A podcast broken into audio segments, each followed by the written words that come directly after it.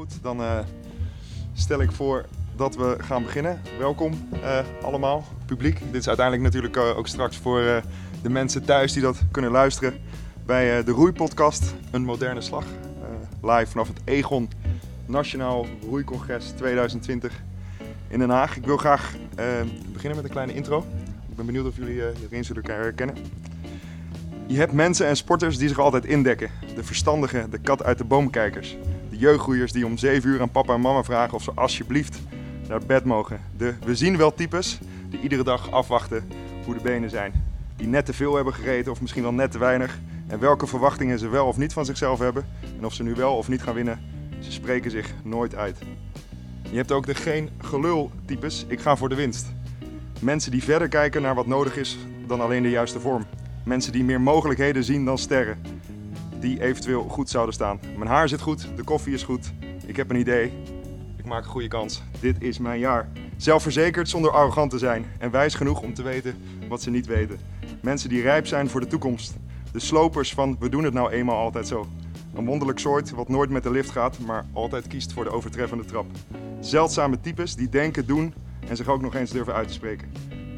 En ik denk dat ik vandaag met twee van deze types van dat laatste soort aan tafel zit. Koen Schobbers en Jan Lammers, welkom. Dankjewel. Herkennen jullie enigszins in de, de tweede typering? Ik kan me er helemaal in vinden. Ja, mooi. Kijk, nou, nou ja, is niet, dat niet niet... denken maar doen, hè? Ja, ja. Ja, precies. Is het niet voor niets geweest. Ehm, nou ja, aardig mooie ruimte hier bij Egon. Ook een semi-actieve rol voor het publiek. Jullie zien op de stoelen een aantal papiertjes met mogelijke vragen. We gaan een hoop bespreken. Maar mocht er nou nog zaken zijn waarvan jullie zeggen van... Ah, dit wil ik toch nog even onder de aandacht brengen. En eh, niet hier te veel eh, bij de microfoons durven langs lopen. Schrijf het op. Dan gaan we helemaal aan het einde... komen we daar nog op terug. Eh, voor nu eh, om maar te beginnen, jullie hebben je al net al aardig geïnteresseerd, al een presentatie gegeven, plenair gedeelte. Maar voor de mensen die straks gaan luisteren, die jullie verhaal nog niet hebben gehoord, begin ik even bij Koen. Eh, nou ja, race en gamevingers sneller dan je schaduw. Profcontract als e-sporter, nog voordat ik zelf voor het eerst ooit in de boot heb gezeten. Eerste e-sporter met een topsportstatus in Nederland. Klopt. Ja? En wereldkampioen in 2013 was dat. Eh, derde van de wereld. Derde. Helaas, helaas. Ja, een- Canadees was me voor en een Duitser ook. Oké, Ja, en dat was ja. Trackmania toch? Klopt. Dus een, een race-spel. Een race game, ja. Precies. Correct. In 2014 op de radar verschenen van de NOS. Eh, en sinds dat interview ben jij eigenlijk de expert als het aankomt op e-sports. Als iemand die zich bekommert ook op de balans tussen slaap, studie, sport, sociaal leven en het gamen, het spel. Ja, vijf S'en, klopt. Precies, kijk, dus nou ja, dat lijkt me voor iedereen wel een relevante balans om rekening mee te houden. En ook sterk gemotiveerd om af te rekenen met bepaalde stigma's rond het gamen. Dus je informeert mensen hier over keynotes, tv-presentaties. Een boek, Het Game met een Kind. Is dat, is dat al uit? Komt dat Eh, nog? k- komt eraan, ja. Dat eh, schrijf ik inderdaad met een professionele schrijfster. En eh, Maven Publishing, ook de uitgever van bijvoorbeeld Mindfuck en, Ja, en Mind ja. Gym, die geeft het boek uit. En eh, we trekken hem waarschijnlijk over de zomer, omdat er eh, nog een hoop geschreven wordt. We zijn bezig met het laatste hoofdstuk, maar dan heb je de voorbereiding van marketing en drukwerk. Ja? Dus eh, waarschijnlijk eind dit jaar, september, oktober, dat dat Dan- tijd is dat het boek uit gaat komen. En dat is dus voor ouders met gamende kinderen. ja. Oké. En komt er dan ook zo'n hoofdstukje met alle cheatcodes voor de kinderen, zeg maar? Wat je vroeger met de Sims... En, we hebben geen hoofdstuk met cheatcodes, maar wel achter in het boek een, voor de ouders een, een lijst van woorden die gamers veel gebruiken, waar ouders vaak zeggen, nou, geen idee waar die het over heeft. Oh ja, voor, Dus, voor, eh, voor de noobs, zeg ja, maar. Ja, ja, oké. Nou, daar komen we zo nog op terug. Ja, inderdaad. Oké, nou ja, goed. Dus het boek komt eraan. Verder met grote bedrijven samenwerken. eh, advies eh, aan het IOC over het welzijn van de e-sporters. Hoe dat gekomen. Dus je zit daar helemaal in. Ehm, en Jan, Jan Lammers. Eh, niet te verwarren met de autocoureur. Dat is toch, eh, ja, ik ben sneller. ja, ja. Het was even zoeken. Jullie doen het allebei goed bij de Google rankings. Maar Ja. eh, ja. Samen met Cas Regens wil ik niet onbenoemd laten. Jullie ooit zeker. de, de Row Perfect begonnen. De roeimachine waarbij het vliegwiel meebeweegt. Eigenlijk zo kunnen we het stellen. Als deskundige ingestapt sinds 2013 volledig gestort op de ontwikkeling van wat wij nu kennen als de RP3. Eh, nu ook net mooie beelden van de RP3 het Model T laten zien wat nog weer meer bootgevoel leek. Nog meer. En het Ja. is nu zelfs zo dat 85% van de nationale roeibonden traint Gebruiken op onze machine. Ja. jullie machine. Ja, dus dat is eigenlijk een, een soort van gesloten markt waar, waar concept 2 zat, waarvan je denkt van hier is niks in mogelijk. Hebben jullie nu flink aan de, aan de weg huis eh, gehouden. Ja, zeg maar. ja, ja, ja. Het is alsof je Calvé pindakaas van de troon stoot. Ja. Dat- dat, dat, idee, ja. ongeveer. eh, ja. Nou goed, dat. Ik heb even site bekeken. Zie je de broer Sinkovic. Net zag je Zeidler al. Ja. Dus het zijn niet de minste eh, die gebruik maken. En eh, ja, hier houdt het niet op. Dus eh, er zijn eh, ontwikkelingen, wat jullie al net al even besproken hebben, wat we hier ook kort zo gaan bespreken. Eh, want er zit nog meer in. En zeker met de koppeling met de alles waar, eh, waar Koen expert van is. Ja. Dus eh, daar gaan we het gauw over hebben. Ik hoop dat ik jullie zo goed genoeg heb geïntroduceerd. Zijn er nog dingen die, Prima. die ik mis? Ja. Nee? Goed. Meer dan? Ja, Oké, beginnen we even bij jou Koen, want eh, in mijn, mijn zoektocht, ik kwam e-sports, e-gaming, e-athletes en dan heb je weer game pro of allerlei termen door elkaar. Kan je een klein beetje helderheid verschaffen in wat nou precies wat is, zodat we zeker weten dat we het zo over hetzelfde hebben? Yes, er zijn, eh, er zijn eigenlijk twee termen die relevant zijn om te weten. Eh, voornamelijk relevant ook voor eh, bedrijven, want daar gaat het wel eens fout, hè, die, die een foute benaming gebruiken. Dus we hebben gaming en onder gamer valt gewoon het spelen van een spel op een digitaal apparaat. Wat voor apparaat, wat voor spel het dan ook is. Dus van, van, van telefoon tot Playstation tot... Inderdaad, en dan van de Candy Crush en de til- tot de echte casual games die op een PlayStation kan spelen als een, een Rayman of, of Mario Kart bij wijze Ja, van. ja oké, ja. En de e-sports is de competitieve tak. E-gaming bestaat overigens niet. eh, E-gaming of e-gaming. Dus dat is echt e-sports. En e-sports is eh, ja, de professionele tak van, eh, van gaming, eigenlijk de topsporttak. Waar je dus echt atleten hebt die coaches hebben, die voor teams spelen, sponsorships, verdienen tonnen, als niet miljoenen met prijzengeld van toernooien. Hebben ook weer miljoenen fans. Ja, dat, is echt, de, dat zijn de twee categorieën. Dus eigenlijk de amateurtak is dan, ja, de casual tak is gamen. En de professionele tak is e-sports. Oké, dat, dat is al iets meer een onderscheid. En je zegt, eh, hoe, die, die grens daar tussen. Ik denk dat er genoeg mensen die, die thuis zijn en zitten en van, van al hun maatjes winnen en denken van nou, ik zit daar dicht tegenaan. Maar de, hoe weet je dat het gaming is en wanneer wordt het e-sports? Het wordt dus e-sports als je echt mee gaat doen bij toernooien. Dus eh, als je echt, eh, ook, het kan ook online vanuit thuis. Ja? En dan niet een amateurtoernooi, maar echt speelt voor, voor serieuzere toernooien. Dus je moet wel op niveau zijn om eh, binnen e-sports te vallen. Maar je hebt ook mensen die een enorme drive hebben. Die beginnen net met een bepaalde game. Die zeggen ik wil e-sporter worden. Op het begin zijn ze gewoon een enthousiaste, als wij het noemen, hardcore gamer. Ja. Dat is iemand die gewoon heel graag de game speelt en graag wil groeien.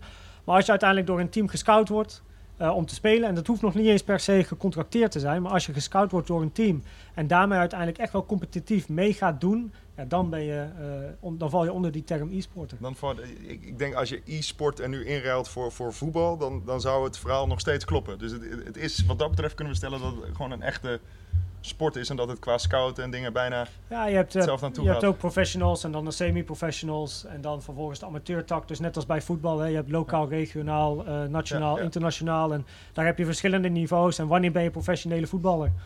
Dus dat is hetzelfde bij de, bij de e-sports. Je hebt inderdaad de lokale kleine clubs waar je voor de lol mee kan doen. Eh, zo hebben we ook de games waar, die je voor de lol kan spelen. Maar dan heb je de professionele teams waar het eh, inderdaad internationaal draait om eh, een hele hoop centen. Precies, oké, dus je kan erin groeien. Je zei net het woord al even drive, dat vind ik een, een, een hele mooie in het, in het Vlaams met wielrennen zeggen ze ook wel eens goesting. Dat komt een beetje op hetzelfde neer. Dus de, de, de, het, het verlangen waarom je doet wat je doet, zeg maar. De, de drive die erachter zit. En ik vraag me dat wel eens De af. Van, en, ja, ja. precies. Je hebt, je, hebt, je hebt kinderen van zes die, die harp spelen. Dat ik denk, hoe, hoe, hoe kom je daarbij, zeg maar? Hoe is dat gekomen? Maar wat is, hoe, hoe is jouw drive of jouw goesting, zeg maar? Hoe is het zo gekomen dat jij nu doet wat je doet? Of dat je zeg maar, in dat gamen bent beland? Nou, eh, in mijn geval, eh, toen ik in 2006 eh 14 jaar oud was, toen kwam ik in aanraking met de Game Trackmania. Daar, eh, tien jaar daar, vroeger al, eh, toen ik vier jaar oud was, wilde ik racer, racer worden, een soort Ja. Max Verstappen 2.0. Maar mijn ouders hadden niet het budget eh, om mij te laten racen, want dat blijkt behoorlijk prijzig te zijn. Dure hobby, ja? En mijn moeder vond het ook te gevaarlijk. Dus daar hebben ze van afgezien. Maar mijn vader zag wel dat ik ja, iets met racen wilde doen. Dus hij kocht altijd racegames. Hè. PlayStation 1 kwam uit en toen kwam de 2 en de Game Boy Color. Dus ik ben altijd aan het racen geweest. Toen kwam Trackmania. Ben ik Trackmania gaan spelen. Dus de racegame die ik lange tijd professioneel heb gedaan. En ehm, een jaar later, tien maanden later, ben ik gecontracteerd door eh, een, een professionele organisatie, Big Grip Gaming. En ik denk dat ook Maar, maar heel tussendoor, drive. die, die, die vinden jou? Hebben die dan een soort Ja. van jouw game ding gehackt en zien ze, oh, ze- zijn vingers reageren snel, zijn oogreflexen zijn goed, die moeten we hebben? Hoe, hoe, Eh, hoe, ik- vinden ze jou? Ik denk heel vergelijkbaar met alle sporten. Je bent op zoek naar talenten. En als je op zoek bent naar talenten, dan ga je naar toernooien toe.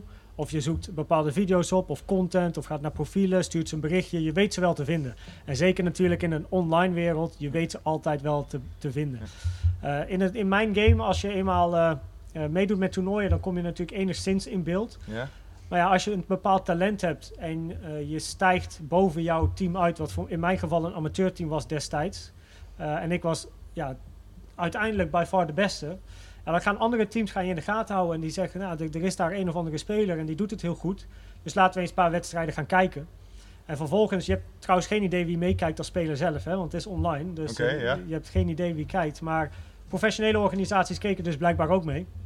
En Maar uiteindelijk... dat- die eh, kijken, die, dus die, zijn, ja. die nemen deel in het spel en die kunnen daarin, ja, het is niet dat ze via jouw webcam meekijken Nee. naar hoe je, dat ze zeker weten dat er niet twee man aan de knoppen zit en, Nee, ze kijken dus echt mee met een wedstrijd. Dus eh, de wedstrijd wordt gespeeld door, eh, door twee teams. ja? En vervolgens wordt de wedstrijd uitgezonden online. En daar, ja. daarin kan je meekijken. Dus eh, ja, dan heb je een aantal toppers die dus meekijken en zeggen... nou, dat, dat ventje willen wij wel graag een oefenperiode aanbieden. 15 jaar oud, echt wel een broekie. En ja, kijk, eh, kijk hoe het geëscaleerd is. Nou zit ik hier. Ja, nu zit je hier achter de microfoon. Ja, dat is toch eh, een hoogtepunt in de carrière Dus, eh, naast die, naast die WK-plaats natuurlijk. Ja. Oké, maar en, en, en die, die, die, nou, waar we het net over hadden, die drive, die goesting om daarmee door te gaan. Wat, wat zijn dan een soort van elementen van als je die bereikt, een soort van milestones dat je denkt van yes, dit, dit, dit is wat Ja, ik wil? ik ben zelf gewoon als persoon enorm competitief. En wat ik doe, wil ik eigenlijk de beste in zijn. Dus dat was dan in, in Trackmania ook zo. Ehm, nou goed, ik moest met een derde plaats mijn eh, gelijk geven. Maar ook in mijn werk en mijn studie is dat uiteindelijk iets wat naar voren komt. Dus ik, was, ik begon bijvoorbeeld met mijn studie op VMBO T HAVO, een gemixte eh, mengklas. Ja? Toen kwam ik erachter dat ik biologie fantastisch vond. Daardoor het menselijk lichaam. En toen dacht ik, wat moet ik doen om bij geneeskunde te komen? Nou, dan moet je eerst naar de HAVO, dan naar VWO. En toen was ik uitgeloot, biomedische wetenschappen. En dan uiteindelijk vind je je weg wel. Maar je hebt wel constant die mo- motivatie van, ik heb een doel. En ik blijf net zo lang vechten totdat ik daar kom. Het maakt me niet uit of ik biomedische wetenschappen moet doen en uitgeloot ben. Ik vind wel een manier om Ja. bij die master geneeskunde te komen. Ehm, als voorbeeld. En dat is bij het gamen ook zo. Dus mijn drive als, als speler, ik wil gewoon naar het WK. Dat was op het begin mijn drive. Want ja, dat, er mogen maar 16 of 30 man, eh 32 man naar het WK. Ja? Er spelen maar vier mensen per jaar op een podium voor 3000 kijkers. Dat wilde ik een keer ervaren. En dat heb ik wel behaald met een derde plek. Dus wat dat betreft, doel behaald. En in mijn werk is de drive, dat, eh, ja, dat is mijn passie. Weet je, als je van je hobby je werk kan maken, letterlijk, dan heb je ja, zo'n zo'n drive om, om, om, ze noemen het werk, maar eigenlijk te hobbyen. Van ochtends vroeg dat je opstaat, tot 's avonds laat als je naar bed gaat, is, is, maakt me niet uit hoe je het wil noemen. Eh, of het nou werk is of hobby. Ik ben bezig met mijn passie. En dat zorgt natuurlijk voor eh, een bepaalde motivatie om dingen te ontwikkelen en, eh, en bedrijven te bouwen. En Eh, ja, naar- hopelijk ja. over 15 jaar kan ik ook eh, eh, daar met trots op terugkijken. Ja, dat is mooi. Maar je, je zegt nu ook echt van, oké, van 's ochtends vroeg tot, tot 's avonds laat moet ik dan net zoals alle andere sportcarrières voor me zien. eh, eh, trainingskampen, hoogtestages, eh diëtisten, zeg maar. Is, dat, is het echt dat, dat complete pakket? Ja, absoluut. Eh, kijk, als je professional bent, en nu, nu niet- meer overigens, eh, een tijdje geleden eh, moeten stoppen eh, vanwege het werk. Eh, ja, werkbedrijven Ja, eh, ja. Die, die ik heb. Maar ehm, als speler heb je een heel ge- gemixt programma. Dus er wordt wel eens gezegd van we gamen 8 of 12 uur of 15 uur op een dag. Eh, maar in tegenstelling daartoe, in de ochtend staan we op met het team. Hebben we ontbijt met het team, want dat is toch teambuilding en dat soort zaken die komen erbij kijken. Zeker als je een grote game speelt, leef je in een huis met je teamgenoten. Nou, vervolgens ga je analyseren, eh, ga je videoanalyses doen op de wedstrijden die je gisteren hebt gespeeld. En dan ga je kijken, wat gaan we vandaag aanpassen? Wat gaan we anders doen? Wat gaan we testen, proberen? Vervolgens ga je tegen top, andere toporganisaties spelen. Ja? Na het scrimmen, zoals we dat noemen, dat is het trainen, ga je fitnessen of lunchen. Dat is altijd één van de twee. Je gaat of sporten voor of sporten En na fitnessen, het is dat dan eh Dat is, duimflexibiliteit? eh, eh, ja? Nee, dat is echt wel fysiek. Ja, dus, ja. eh, maar dan voornamelijk duursporten. Want wat in de e-sports belangrijk is, is inderdaad, je hebt ja, niet per se eh, eh, spieren nodig.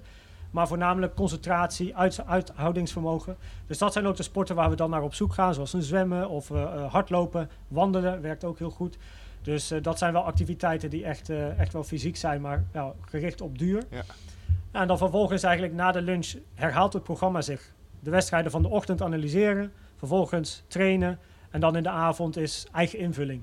En die eigen invulling kan ook gamen zijn. Maar goed, als je acht uur op een dag gamet, ja, mensen zitten ook acht uur eh, per dag achter op een kantoor.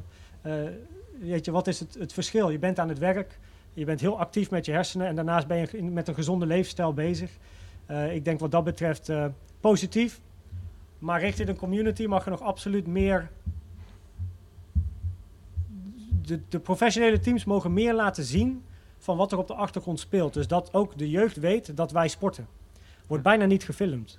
Ze zien ons wel gamen, maar ze zien ons niet sporten. Ze zien niet wat we op de achtergrond moeten doen. En ik denk dat daar heel veel winst te behalen is. Ook namelijk voor jeugd die thuis zit. Ja. Waarvan de ouders zeggen, je moet gaan sporten. Geef ze groot gelijk, dat moet ook. Maar waarschijnlijk denkt dat kind alleen maar, ik moet 12 uur in mijn game stoppen, want dan word ik goed. Ja, maar dat is niet echt, zo. Ja, ga buiten spelen, een raam open, maar voor de rest Je moet- blijven... je moet- ja. je- als je goed wil worden in een game, moet je een gezonde balans hebben tussen de essen die je al noemde, de slaap, studie, sport, sociaal en spel. Dat balans moet je hebben, want als je op niveau bent, dan moet je en sociaal kunnen zijn. Je moet een bepaalde mate natuurlijk van eh, breincapaciteit hebben, Ja. wat je met je studie weer ontwikkelt. Je moet goed kunnen slapen, want daar hangt je focus weer vanaf gedurende de dag en je, je, je, je, je eh, vermogen om te leren natuurlijk, wat tijdens de slaap gebeurt. Eh, en ja, sport, ja, daar hoeven we niet eens over te hebben. Dus eh, dat Ja, is eh, dat is vanzelfsprekend belangrijk. Het zou, het zou eigenlijk goed zijn als er een soort van Wilfried de Jong-achtige documentaire van achter de schermen, dat het ook inzichtelijk wordt van wat er voor nodig is om dit allemaal klaar te spelen, welke balansen daarin een, een, een rol spelen, dat voor kinderen ook een, een soort van streven haalbaar is van oké, dit is er voor nodig om uiteindelijk die stap te kunnen maken. Ja, als je e-sporters ziet, dan als mensen op e-sporters googelen, de professionals, dan zie je ook dat het allemaal fitte jongens zijn.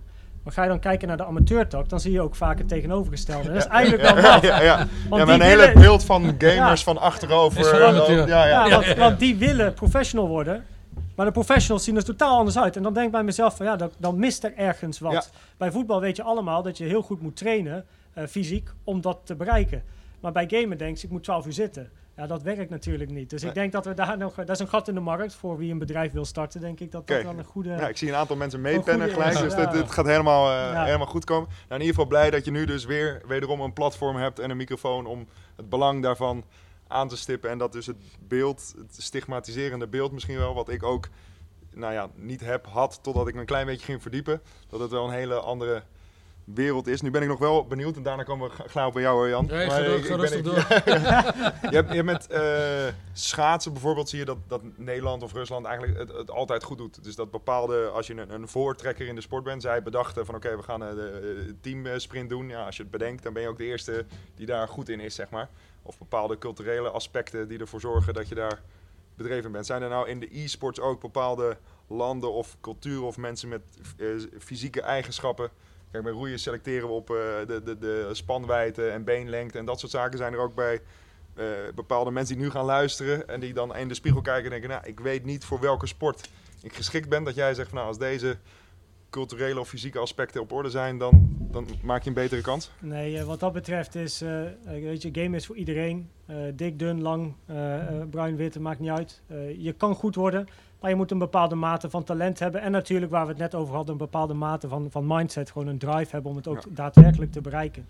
En het besef dat je ook echt wel gezond moet leven. Dus het maakt niet uit of je nou man of vrouw bent. Je kan in principe in theorie hetzelfde niveau behalen. Het is niet dat je eh, lichamelijke bouwverschillen hebt, zoals bij traditionele sport. Eh, in theorie is iedereen aan elkaar gelijk wanneer je de controle pakt. Dus zonder, zonder cheatcodes is het eigenlijk een hele eerlijke sport. Ja, wat dat betreft wel. En kijk, wat je dan wel ziet is, omdat we in Nederland wat, eh, wat later de hype oppakken, eh, dat we wat minder talenten hebben nog in deze, in deze regio.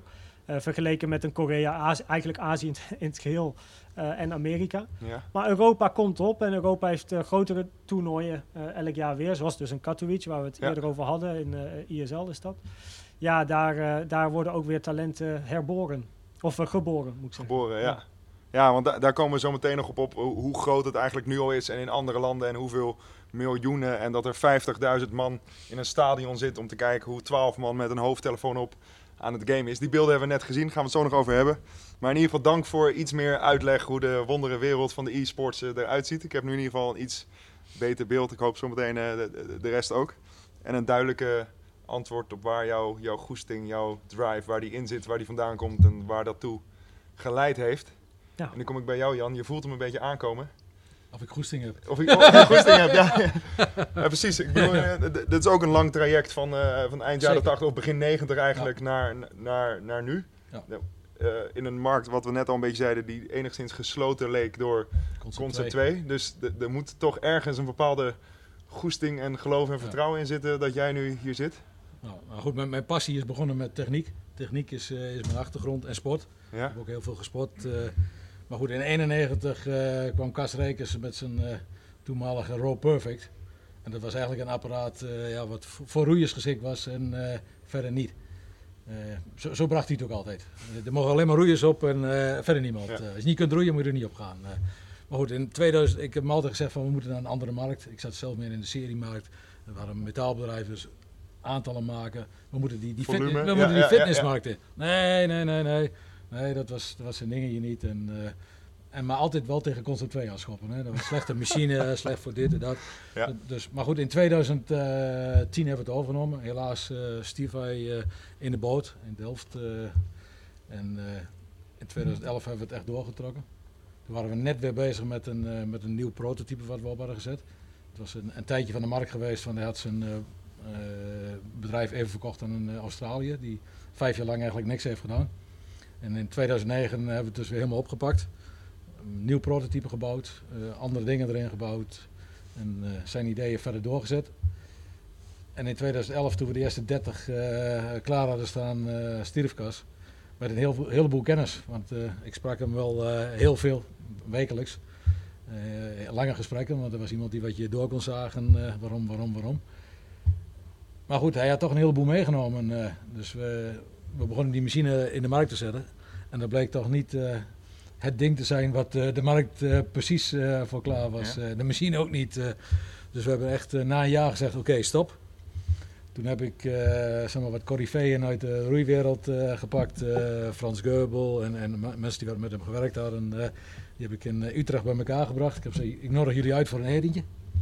En we gaan kijken of dit überhaupt... Want ik, ik had het gekocht voor de familie. Maar ik dacht, ja, ik moet nou iets... Of ik stop er helemaal mee. Of, dus eh, gepraat met, eh, met iedereen. Gezegd, oké, wat vind jij ervan? Wil, je, wil jij een stukje eraan bijdragen? Want dat mis ik en dat mis ik. En kun jij dit? En zo op die manier hebben we gezegd, oké. iedereen zei, oké, ik doe mee. Dus toen hebben we er echt geld in gepompt. Dan zijn we echt eh 2011 begonnen helemaal weer opnieuw te kijken van wat moeten we doen. We hebben zelfs elke maand een, een meeting gedaan wereldwijd met alle agenten. Dus hier staan we. Wat vinden jullie ervan? Is dit de goede weg? En zo zijn we na een jaar hebben we toch de, de RP3, zoals je hem nou de, de Roes Verstalen machine kent, Ja. op de markt gezet. En toen zijn we gaan eh, promoten. Vind ik wel mooi, die twee kanten. Dus enerzijds vertrouwen in van oké, hier zit echt wat in. Dit Ja, is ja, wat de markt nodig heeft. En aan de andere kant continu bevragen van hetgene wat we doen zijn, is dat wel de goede weg? Ja. Nee, het, het, het geloof in de dynamische machine dat ik van het moment dat hij eh, bij me kwam. En als je het verschil ziet en voelt, als iemand op die machine gaat zitten. Ik zeg altijd, iedereen vraagt wat is het verschil? Ik zeg, ga er maar op zitten. Doe het. Doe het maar. En Dan voel je en het dan, voel je wat het, wat het is. eh. En, eh, en zo is het ook gebeurd. En in 2013 zijn we echt begonnen met, we moeten toch wat gaan, gaan sponsoren en doen. Maar goed, er waren weinig coaches die wat daar eh, eigenlijk behoefte aan hadden. Ja. Eh, behalve de coaches van de Sinkovic, Bralik, die, die had zoiets van, hij moest wat met zijn, zijn mannen vier, die ging die opsplitsen en er bleven twee mannen van over. Dus de Sinkovic zaten eerst met z'n tweeën in een mannen vier. Dus die hebben opgesplitst naar een, eh, een twee zonder. ja, nou de rest En, is eh, geschiedenis. En, en, en, en daar, daar is het mee begonnen. ja, dat zijn en- wel de betere ambassadeurs, om Ja. het zo maar te en, zeggen. en wat er daarna gebeurde is dat heel veel roeiers die wat geblesseerd waren. En maar Drysdale, die kwam vragen om een machine, want hij was van de fiets gevallen en had een rugblessure. En ja, zo is het doorgegaan. Ja. En eh, daarna is, eh, hebben we het eh, met Mark Hemke, eerst met René Meijners om de tafel Ja. gezeten.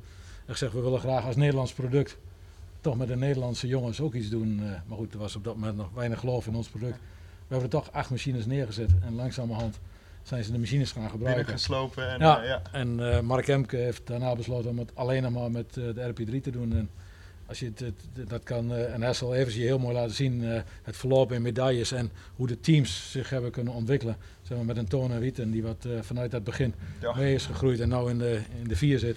Ja, dat zijn, dat zijn kanjes geworden. Ja, als ik het toon of eh, Simon van Dorp af en toe, ik, ik loop nog wel eens langs daar, als je die dan bezig ziet op die RP3, dan heb ik een klein beetje Ja. medelijden. Ik weet dat jij in de, in de metaal hebt gezeten, dus ik denk nou dat gaat goed komen. Maar er wordt echt, eh, er Zwaar aangetrokken. wordt zwaar aangetrokken. ja, er wordt hard op Ja. gestampt. Ja, ja, ja. En goed, Oké, dus het is echt eigenlijk door, door, door volha- volhouden, durven, het is, proberen. het is eigenlijk een beetje het verhaal wat, wat Koen ook zegt. Ondernemerschap Ja, is ook moet- topsport. Hè? Ja, het is, Ja. Het, is een, het is een missie, je gaat ervoor en eh, ja, dan is het, eh, het weg gaat niet altijd in één streep, maar die gaat zo. Maar je hebt eh, je doel voor ogen en, dat, eh, en daar gaan we naartoe. en dat vasthouden. dat, en wel het geloof in wat je doet natuurlijk en wat je hebt. Het is natuurlijk als je iets hebt zeg maar, wat je denkt van nou dat, dat is het niet, dan, ja, dan houdt het een keer op. eh. Er zijn ook wel eens momenten geweest dat je echt dacht van, ah, ik, waar, waar- nee, waarom dacht ik vorige week dat dit een briljant idee was? nee, nee, elke keer weer oké, dit werkt niet, dus we gaan weer wat anders zoeken. Ja, nee, gewoon doorgaan. Nou, mooi. Ja. Ja, zo hoor ik het graag. En, en, en nu, nou ja, even, jullie, jullie combineren het dan. Eh, het, het gaat goed met het Nederlandse roeien en met de roeisport. We hebben net de prestatiefilmpjes gezien. De medailles, de verwachtingen, de tijden die gevaren worden, de records die verbroken worden, noem op. Het junioren roeien daarentegen is ietsje minder, het stagneert. Hier en daar daalt zelfs het Ja. aantal aanmeldingen, leden, dat soort dingen. In hoeverre zien jullie in hetgeen wat er mogelijk is, tussen, tussen indoor roeien, de nieuwe technieken, nieuwe technologieën en het gamen wat daarin mogelijk is, eh, om dat op een bepaalde manier samen te voegen om juist die doelgroep weer een extra prikkel te geven. Is dat eh, la- eh, überhaupt stellen, is dat een, is dat een mogelijkheid? Ligt Ja, daar ja, potentie? zeker, zeker. Nee, daar ligt zeker een mogelijkheid. eh. ja, nee, ik denk als je met de jeugd begint en dan, eh, wat je wat we wel zien en wat we heel mooi zien bij, bij, Road Studio Amsterdam is, dat eh, je hoeft geen roeiachtergrond te hebben om de beweging leuk te vinden. Ja, het, het is een beweging eh, die je Ja. maakt.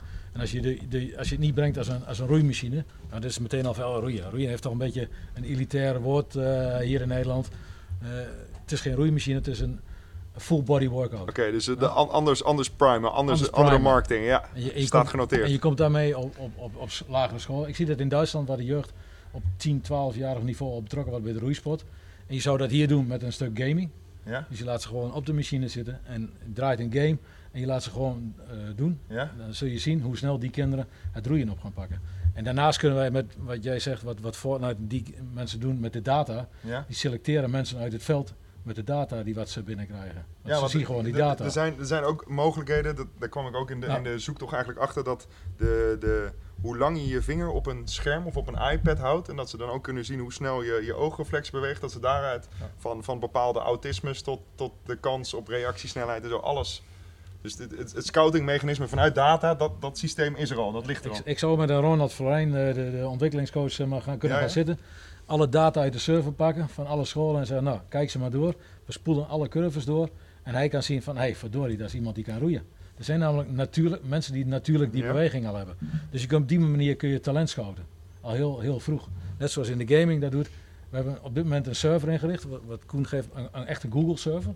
We hebben, eh, ik liep in, vorig jaar in Dresden vast, we lieten daar twee achter roeien. En na, na drie keer roeien zat het systeem vast.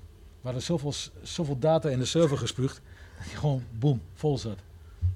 Dus we hebben nu een echte service manager. We hebben dus iemand betalen we die een server managt om al die data eh, bij te houden. Eh, en om te kijken of we die vol lopen, of we die uit moeten bouwen, of de responstijd nog eh, snel genoeg is.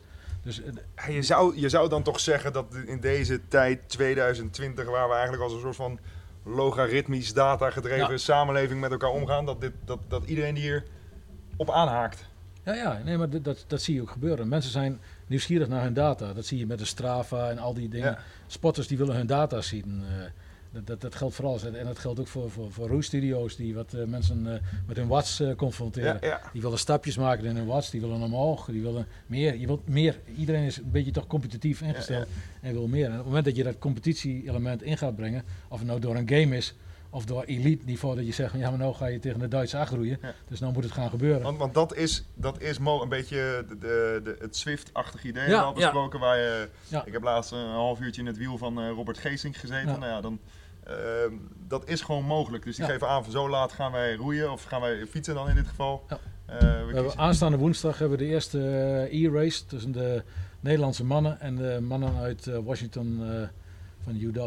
Kijk, Ja, en dat wordt een echte 2K-race met machines aan elkaar verbonden, dus een eh, gekoppelde acht. En maakt dat dan nog uit of de een een andere eh, internetverbinding heeft, dat de ene net een Nee. startvoordeel heeft, zeg maar? Nee. Dat lijkt me ook wel... Nee, we hebben, eh, we hebben dat zo ingebouwd dat het is hetzelfde als bij Visa. Op het moment dat je de boot over de finishlijn ziet gaan, geeft de Visa even geen data door. Dus Ja. wij, wij wachten tot alle data door is en dan pas krijg je de En dan- uiteindelijke ah, finishtijd. Dus er zit nog een, een extra spanningselement aan vast. Ook al zou de lijn even weg zijn, als ze in Washington maar doorroeien ja, en de lijn is weer terug, dan, dan gaat het... dan komt die data in één keer door. Dus, dus, dat, oké, dus we weten dat het, dat het technisch haalbaar Ja. is, wat er allemaal kan. Er gaat langzaamaan muziek hier bovenaan trouwens, dus het een beetje extra sfeer creëren. Maar nu even, dan gaan we naar, terug naar jou met, qua expertise. Technisch kan het dus. Het, eh, wat voor type games of wat voor type insteek moeten we aan de RP3 koppelen om... Ik vind sowieso de, de, de grootste innovatie is het feit dat dat ding een scherm heeft. De RP3 heeft een scherm. En daar kan je... Natuurlijk trouwens, de concept had ook een schermpje. Ja. Eh, althans, van vroeger weet ik dat ik daar met een visje eh, iets kon doen. Eh, als, ik hard, als ik hard ging, dan ging je omhoog. En als ik langzaam ging, dan ging Ja. je omlaag. Dat vond ik, dat is al gamification. Als kind vond ik dat leuk. Het normaal roeien 500 meter, daar gaf ik niks om. Maar dat visje, dat was voor mij een belangrijk element. Ehm, en nu heb je een gekleurd scherm. Het is natuurlijk allemaal wat mooier, wat netter. Het is online. En ik denk dat daar eh, de kansen liggen. Dus omdat je verbonden kan zijn met internet, ben je niet meer als je aan het roeien bent alleen maar lokaal in jouw sportschool Ja? eh, eh, bezig. Maar je bent opeens bezig tegen duizenden of honderdduizenden mensen online die ook een tijd neerzetten. Hè. We zagen al een 5,28 op de 2 kilometer staan, wat nou het wereldrecord is. Ja, dat zijn tijden waar je dan opeens mee gaat meten. Terwijl vroeger, zonder in ieder geval tijdperk eh, eh, verbonden zijn met internet, daar roei je eigenlijk tegen jezelf. Ja, en die motivatie is een stuk moeilijker op te brengen eh, dan tegen de rest van de wereld roeien. Ja. Dus ik zie daar sowieso veel potentie. En kijk je naar games, dan, nou, ik, ik vind inderdaad de Rose Studio is een goed voorbeeld. Maar ook tijdens de presentatie van Jan zag je 12 of 10 roeimachines naast elkaar staan met jeugdigen die niet roeien als, als hobby of als sport, maar wel gemotiveerd zijn om op op de roeimachine te zitten. En vervolgens met z'n allen dus 300 watt te genereren met het roeien. Je gamified de roei-experience. Dus Ja. ze, ze zijn niet bezig met het roeien. Het enige waar, die, waar ze naar kijken is dat metertje. En ze willen zo hard mogelijk roeien om die 300 aan te tikken. Dus je motiveert ze op een hele andere manier. En het is een interne motivatie. Dus inderdaad, het roeien wordt gewoon gebruikt om 300 watt te bereiken. Zou je ook met een Zwift kunnen doen. Ja. Maar het is wel een hele goede vorm van gamification van jouw roeiapparaat. Waarbij het apparaat zelf een, uh, een, een waarde levert met ja, een ander doel wat eraan vastzit. En ik denk dat virtual reality ook hele mooie stappen kan maken. Uh, misschien voor de competitieve roeiers uh, iets minder om virtual reality te gebruiken. Maar voor de huistuin- en keukenpersonen die gewoon even naar de fitness gaan... Of die zelf een roeimachine hebben, zoals mijn vader thuis... zou virtual reality fantastisch kunnen zijn. Want dan begeef je je in een andere wereld... waarbij je dan kan rondkijken. En uh, tijdens de video die ik liet zien... Uh, heb je ook op een gegeven moment bepaalde keuzemogelijkheden. Ja. En dan hangt het er vanaf als je, of je links of rechts gaat... wat er daarna zich afspeelt. En dan ga je echt een verhaal creëren. En we weten tegenwoordig dat storytelling Story, ja, ja, is de beste, ma- zeggen, beste manier van marketing. Maar ook de beste manier uh, in virtual reality om mensen engaged te houden. En hoe jammer is het dat als je een film kijkt of se een serie. Ik keek The Witcher pas geleden. Acht afleveringen van een uur. Achtste heb je afgekeken en dan denk je verdorie, dan moet ik anderhalf jaar wachten.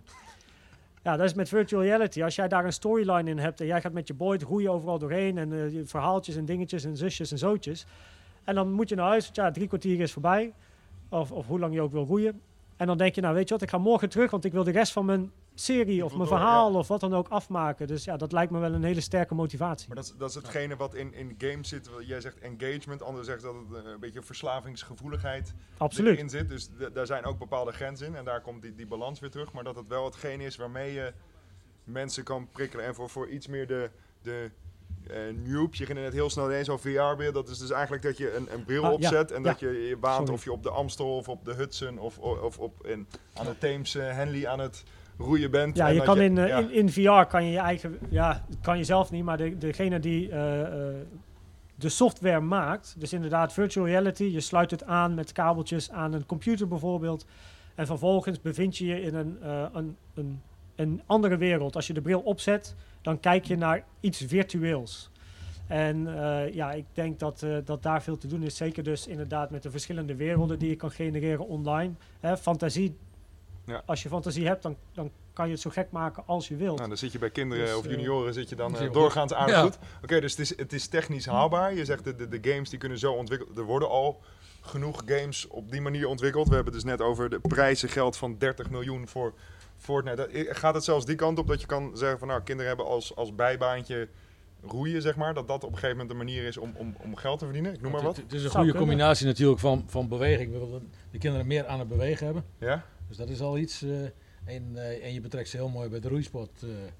Ja. Dus, Dus in, in die zin zou de, de markt die aangeboord wordt, dus we hebben nu de junioren die je vast wil houden en die je aan de sport wil laten beklijven. Dus dit kan een extra prikkel zijn, maar ook de, de kinderen die nog niet doen, de scholen. Ik, nou ja, ik kom niet heel vaak in een sportschool zoals jullie zien, maar die spaarzame momenten dat je daar binnenkomt, zie je af en toe mensen op een apparaat reupen. Dat ik denk, ja, dit heeft niks met roeien te maken. En die Nee. dan ook na twee minuten klaar zijn, omdat er eigenlijk niks valt om Ja.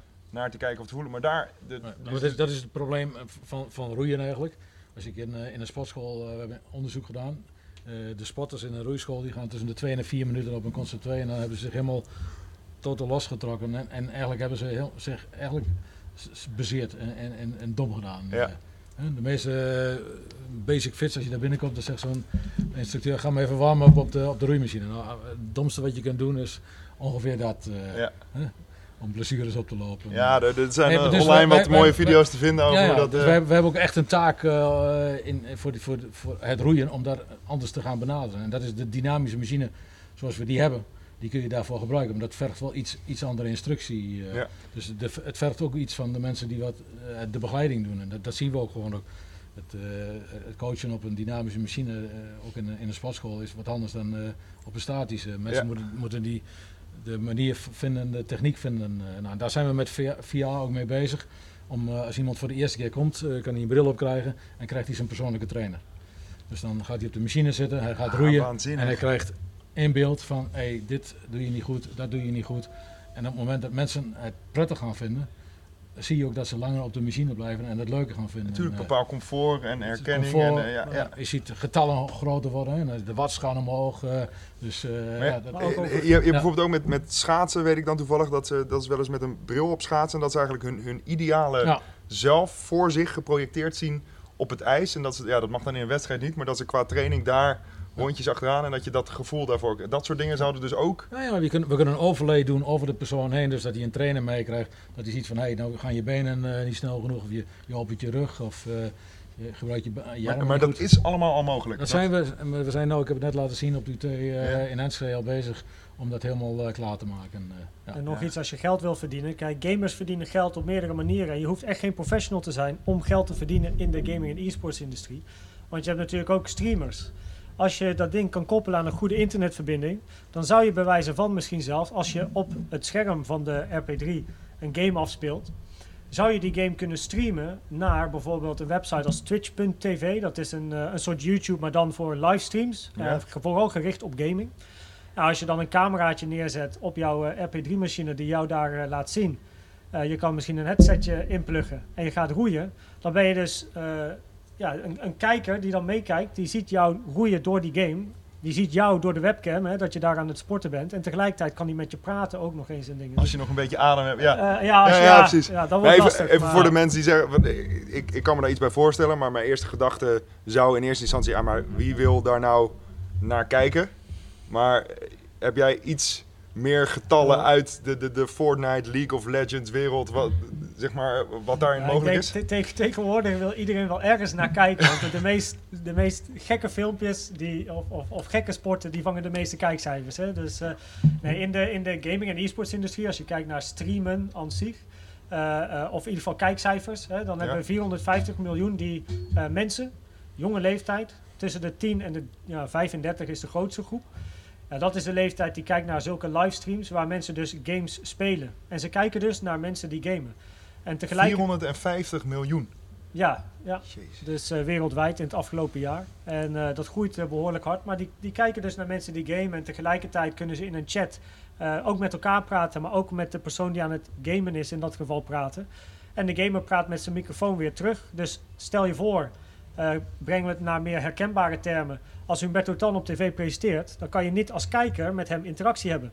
Maar dat kan dus in gamen wel. Dus Humberto Tan reageert dan op jouw vragen. Nou, dat kijker. zou fijn zijn als hij dat eindelijk een keer eh, zou doen. Want ik, ik heb af en toe wel eens een vraag als iets.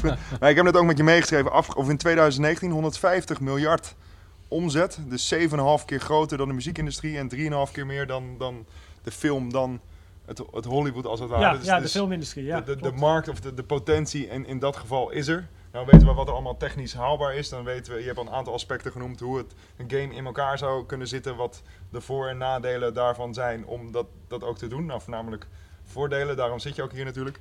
Maar nu zijn hier mensen en ook eh, eh, straks de luisteraars natuurlijk die denken... oké, maar ik ga morgenochtend, eh, is het zondagochtend, ga ik naar de vereniging... en ik zou acht junioren coachen, maar nou drie hebben er geen zin of zijn ziek. Dus we hebben er nog maar vijf. Nou, dan een viertje en een skif en dan is het al anders dan bedacht. En dat is vaak ook weer slecht voor de motivatie, omdat je van het plan af moet wat je dan al had en dat soort zaken. Wat kunnen die mensen nu doen? Wat, wat, als ze morgen dit zeggen, we vinden het fantastisch, we weten dat het kan of dat het mogelijk wordt. Waar kunnen ze morgen mee beginnen? Of dat nou een vereniging is of een coach is of wat kunnen ze doen? Ik denk dat Jan zegt een RP3 Ja, ik ook. Ja, ja dit was uh, open kant. Ja, ja, ja. In je portemonnee. eh, Ja. van, eh, ja. ja, goed, dat is de eerste stap naar... Ja, wat ze kunnen doen is, wat ik al aangaf, en dat, dat zie je echt gebeuren. eh, eh, je, je, wil, je wilt roeien. En eh, inderdaad, je zag het net, als bij mij filmpjes ook niet doorgaan, dan, dan baal je. Dus als je op de vereniging komt en je, en je zou een viertje roeien en er zijn er maar drie, ja, dan Ja, ja. is dat niet leuk. En ik, ik wil niet in de skif, dus ja, wat ga je dan doen? Nou, wat, wat, wat, wat we gewoon zien, en we hebben dat gewoon getest, en, en Washington University is gewoon een hele goede testlocatie van ons. Waar gewoon eh, ook een coach is die wat, die wat het Die omarmt. daar open voor staat. Die daar Ja, open ja, voor staat. En die ook de, de benefits ervan ziet. Die denkt van ja, dan kan ik ze wel in een boot zetten. Maar in feite heb ik er dan geen reet aan. eh. dus die zegt dan gewoon, ik zet ze op de ergometer.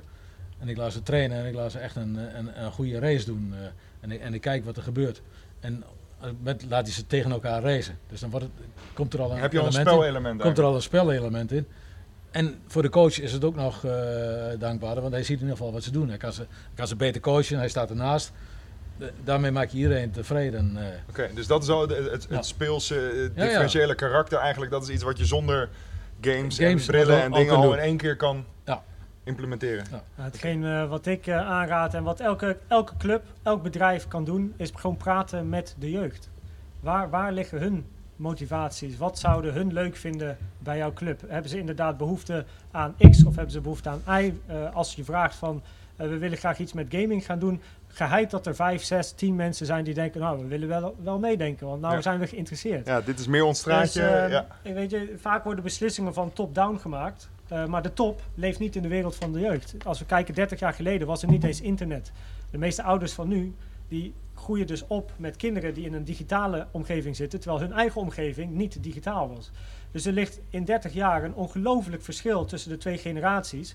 Maar dat verschil zie je dus terug in hoe bedrijven beslissingen maken Ja. voor een generatie die helemaal niet geïnteresseerd is in die beslissingen. Die denken heel anders.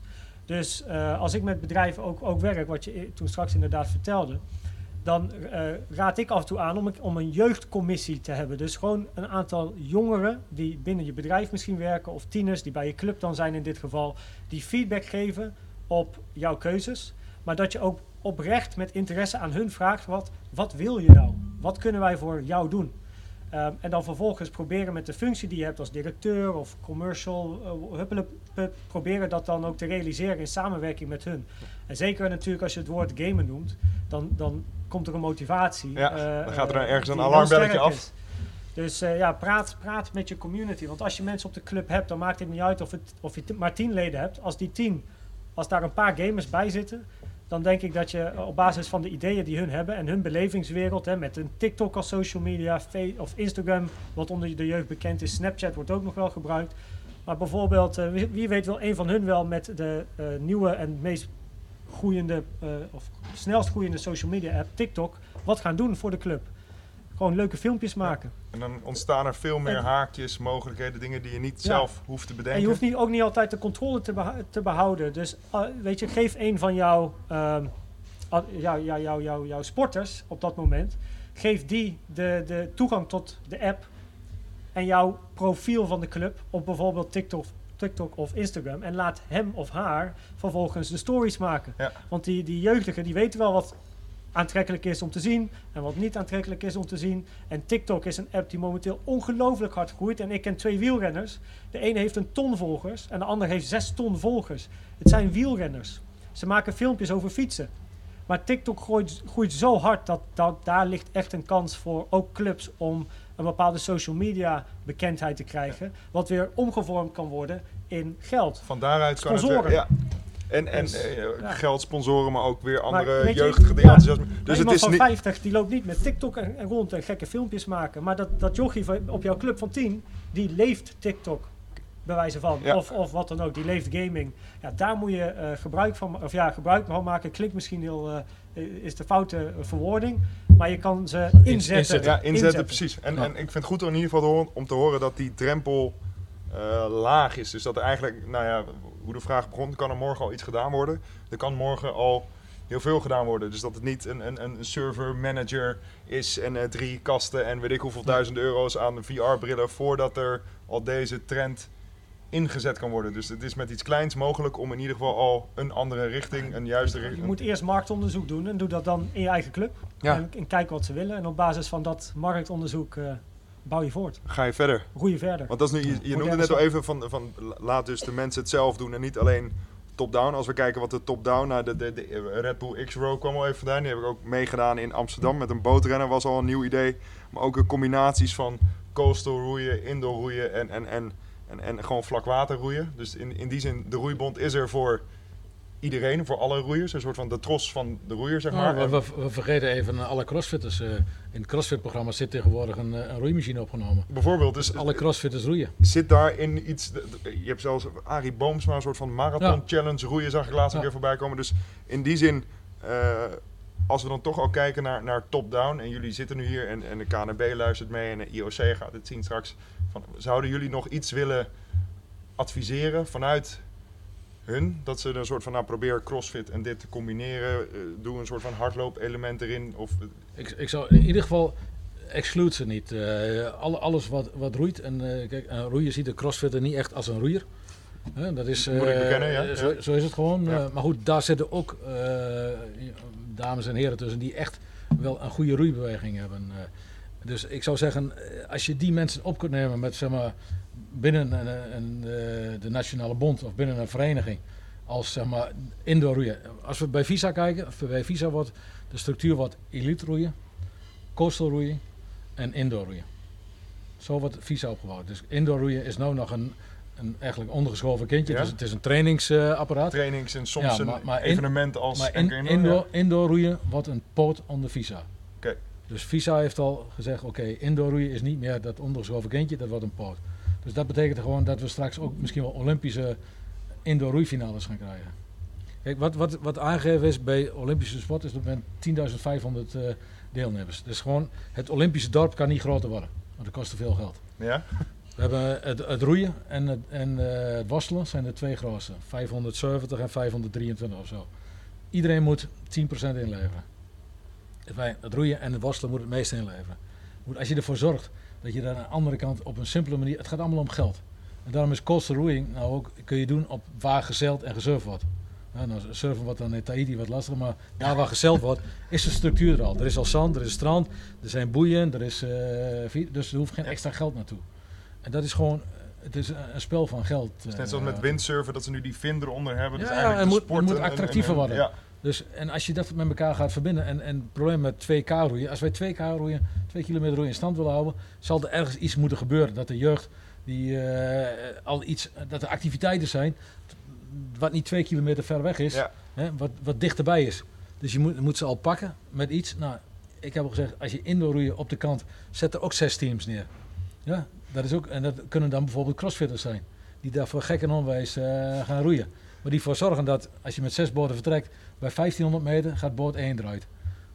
Bij, du- bij 1000 meter gaat boot 2 eruit. Een soort bij 500 eh, meter afvalrace, boot 3 net zoals eh, wielrennen, En- een en- zesdaagse. En we gaan met drie boten naar de finale. Ja, En de indoor en de roeiers op de kant kunnen ervoor zorgen dat de, de boot die wat laatste was, twee extra seconden toeslag krijgt. Dus bonuspunten.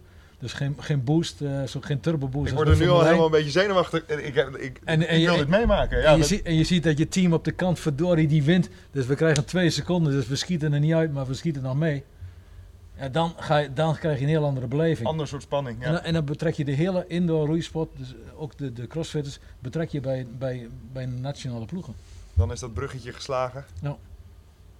Ja, ik vind dat mooi. Dus het is al, met, met het gamen zit je al dat je een, een markt aan boord, een Ja, markt betrokken wat je, kan wat houden. je Ja, zag en in dat het je- gamen met die twee condo's, dat, die, dat er één doodgaat. Nou, dat zie je dan in een boot.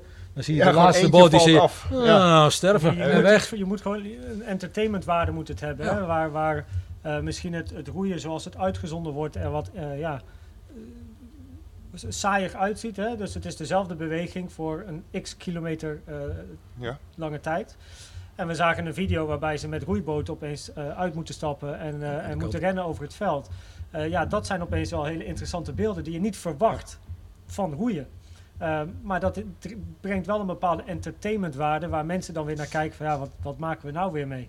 En het coastal roeien is weer interessant omdat daar een nieuwe lading van actie in Ja. zit en, en eh, avontuur en adrenaline. En daarom is het opeens aantrekkelijk. Het is gewoon net even anders dan het normale. En ik denk dat sowieso met innovatie, eh, je moet altijd vooruitkijken. En kijken wat de feedback is en wat de markt vindt. En coastal roeien eh, blijkt heel goed te gaan. Ja, dan zou ik eh, daar eh, op double down, eh, zeg maar. Dus, Daarop, ja. En dan wel op een, op een, een verantwoorde, dus verfrissend maar verantwoorde manier. Niet entertainment om het entertainment natuurlijk. Want het, het gaat wel om een bepaalde om sport. het gaat om en sport. Het gaat en- om sport. Ja, het gaat om Ja. sport. Maar goed, weet je, als, als boten bij, bij Coastal, eh, so- als soms de halve boot uit het water ligt omdat je een golf vangt, ja, dat is opeens wel leuk om te zien. En eh, voor de atleten een hele nieuwe uitdaging, want hoe ga je opeens om met die verticale druk? Dus inderdaad, eh, als je op de, uit de boot geslagen wordt en je landt weer, ja, ik weet niet hoe dat zitje zit in de boot, Ja, maar misschien moet de boot daar eh, toch ook wel even... eh, ik, ik zag wel trouwens hier boten staan met kussentjes, dus dat bestaat dan gelukkig wel. ja, daar wil je ook niet Maar altijd je hebt, mee. je hebt, weet je, in plaats van dat je alleen horizontaal kan vallen, ehm, kan je ook nog eens op een andere manier vallen. Dus ja, het, het, het, het is spectaculairder.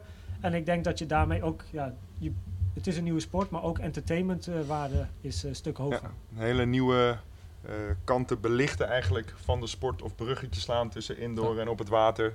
Die makkelijk te maken zijn, die niet veel ruimte, veel geld hoeven te kosten. Nee, niks extra. Oké. Nee. En eh, nou goed, goed nu, eh, we, we gaan omwille tijd gaan we zo meteen nog even kijken of er ergens vragen zijn. En dan moeten we al bijna weer afsluiten. Ik ben nog wel benieuwd, ehm, als jullie nu gewoon zo voor de microfoon, voor de camera, eh, één advies kunnen of mogen geven richting jeugd, sportbestuurders, maakt niet uit. Naast koop een RP3.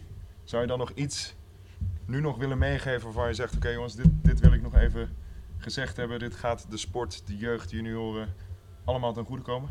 Praat met je community. Ja. Dat is de enige die ik eh, geef. Praat met de men, laat, laat hun meedoen in de beslissing. Lijkt me een hele duidelijke. Jan, Zorg dat het weer sexy wordt. eh. zorg dat het weer sexy wordt. ja. Nou, dat, eh, dat lijkt, lijkt me voor heel veel dingen een mooi streven. Shirtless rowing of zo. Ja, ja. Ja, ik, zie de, ik zie de kalender al voor me. Oké, nou, dat lijkt me heel mooi om een klein beetje op af te ronden. Voordat eh, zijn er in het publiek nog vragen of nog vragen die nu leven waarvan jullie denken dit, dit is noodzakelijk dat het nu nog even besproken wordt. Ehm, hoe, eh, deze is voor eh Koen. Eh, gamification, dat, daarmee trek je zeg maar, mensen naar, eh, aan het, krijg je een beweging. Hoe zorgt de roeiwereld, hoe krijg je mensen dan ook nog in de boot? Want gamification kan eigenlijk, denk ik alleen op een Row Perfect of op een ergometer. Maar hoe zorg je ervoor dat ze dan toch de overstap maken naar de boot? Ik denk- Leuke vraag. het- zou, het- zou je eerst het- even de vraag nog kunnen herhalen? Goed, Eh, en dan... nee, ja, eh, de, de vraag is, eh, hoe krijg je mensen in de boot als je gamification alleen toepast op een ergometer? Hè, eigenlijk. Dus hoe gaan ze van de ergometer waar gamification plaatsvindt naar de boot? Ik denk dat dat voor in mijn geval heel erg op beleving zit. Dus waar je met een ergometer wel in een VR-wereld kan roeien, eh, proef je niet eh, de zee en je ruikt niet de wind. Of eh, je, je hebt niet het, de, daadwerkelijke beleving van het roeien zelf. En ik denk dat het grootste verschil tussen die twee, wat ook in de afgelopen jaren natuurlijk zo is, is het, het echte en het bijna echte. De beweging is echt, maar de beleving niet.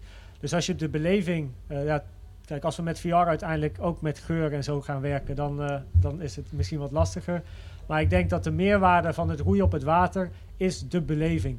En het echt aanwezig zijn met de boot op het water. En zeker ook coastal roeien, hè, wat voor de jeugd dan weer interessanter uitziet. Ik denk dat daar het, eh, het verschil ligt. Dus het, het gamifieren van een echte boot is best wel lastig. Want je kan niet een schermpje op de echte boot neerzetten in het water. En eh, ja, de vier man, alleen de voorman, eh, ik weet niet hoe je die noemt. De slag. De slag. Ja. Die, die kan dan op het schermpje kijken. Kijk, roeien blijft uiteindelijk roeien. Je kan alleen de manier veranderen zoals Coastal eh, eh, er nu bij is gekomen. En ik denk dat eh, uiteindelijk als mensen meer gaan roeien op een ergometer, dat uiteindelijk ook wel de drang van het, het, bele- het echte werk vanzelf zal toenemen. Dus, Daar kan- daar kan- ik op inhaken. ook, eh, Jan? Ja? Het, la- het laatste wat hij zegt, ik, we hebben elke dinsdagavond een eh, roeiklasje bij ons op de zaak. Maar ze zeuren nu al eh, twee jaar van wanneer gaan we nou een keer echt in een boot. Mensen hebben die beleving, die hebben nou zo eh, toch wel de, redelijk de roeislag te pakken. Dat ze willen hebben van wanneer kan ik het eens een keer uitproberen in een boot. Kan ik, kan ik ook roeien in een boot? Dus dat gevoel En groeit ze- en vanzelf zijn eigenlijk. Echt, al- ja, dat gevoel groeit. En ze waren allemaal niet roeiers. Oké. Ja. Is dit, is dit een duidelijk antwoord? eh? eh, Ja, ik krijg alweer zin om te roeien en om te Ja. proberen en zo. Dus op, op mij werkt het in ieder geval aanstekelijk. Zeg meer, ik zag, ja? Oké, Jan beginnen we achteraan, ja. is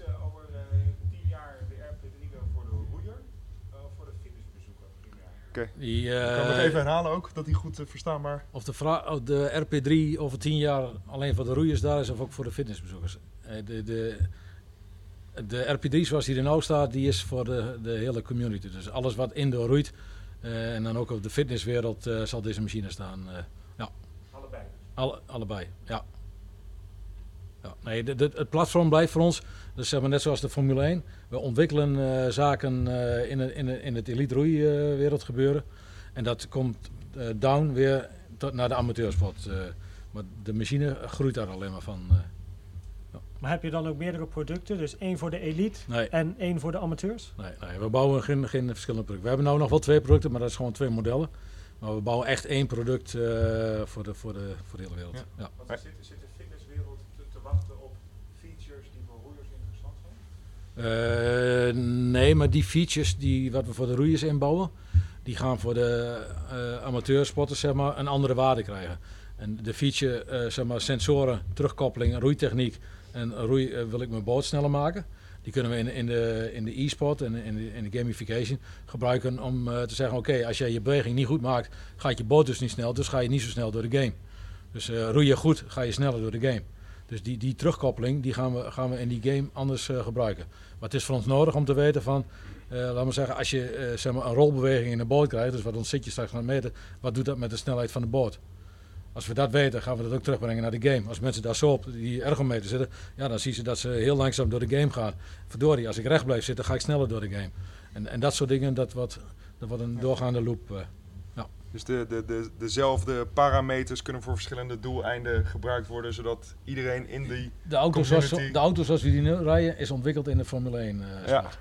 En dat is gewoon, eh, en zo moet je het ook zien met, met ons. Ja, nee, ik denk dat het in veel sporten zo gaat. Of in, Ja. de- ik, ik rij ook op een fiets die bedoeld is voor mensen die echt hard Ja. kunnen fietsen. Maar ik denk als ik heel veel geld aan die fiets betaal, dan ga ik ook zo hard. Ja, ja, Zo, ja. zo gaat het Ja, volgens mij het. in die zin altijd. Mevrouw Vooraan had ook nog een vraag. Ehm, ik denk dat dit bijzondere mogelijkheden biedt voor een gewone roeivereniging, hè, die niet heel erg op wedstrijd zit, maar gewoon jeugd heeft, eh, senioren. Eh, ook bij instructie, omdat je dus die feedback kan krijgen over je techniek. En, eh, maar met name voor de jeugd, dat het aantrekkelijk wordt eh, om op zo'n ergometer te zitten. Maar mijn vraag is, wat zijn de kosten voor een gewone roeivereniging? Wat kost een RP3? Wat kost zo'n game? Eh, kun je ook games hebben waarbij je, als je met drie mensen op een RP3 zit, je dus precies ziet hoe hard die boten gaan, zodat je de wedstrijdsituatie... Ja, Oké, dus eh, de- de- de duidelijke vraag. Wat, wat zijn de kosten voor een vereniging? Wat kost een RP3? En wat Ik zijn de mogelijkheden? eh, kan je met meerdere... Wat Mensen betreft, naast eh, elkaar. wat betreft de game ook, dat is denk ik heel afhankelijk van het systeem. Want een game hoeft niet zo duur te zijn. Eh, nou ja, kijk, voor een kleine club overigens, eh, eh, een paar honderd euro's of een paar duizenden euro's zijn behoorlijk veel. Dus eh, dat niet weggelaten.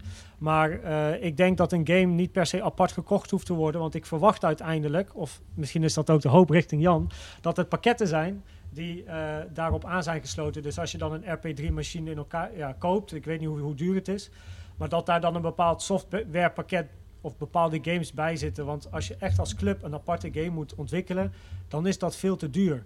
Maar een bedrijf als RP3 kan natuurlijk vanwege de massa's verkoop de, de bedragen eh, laag maken.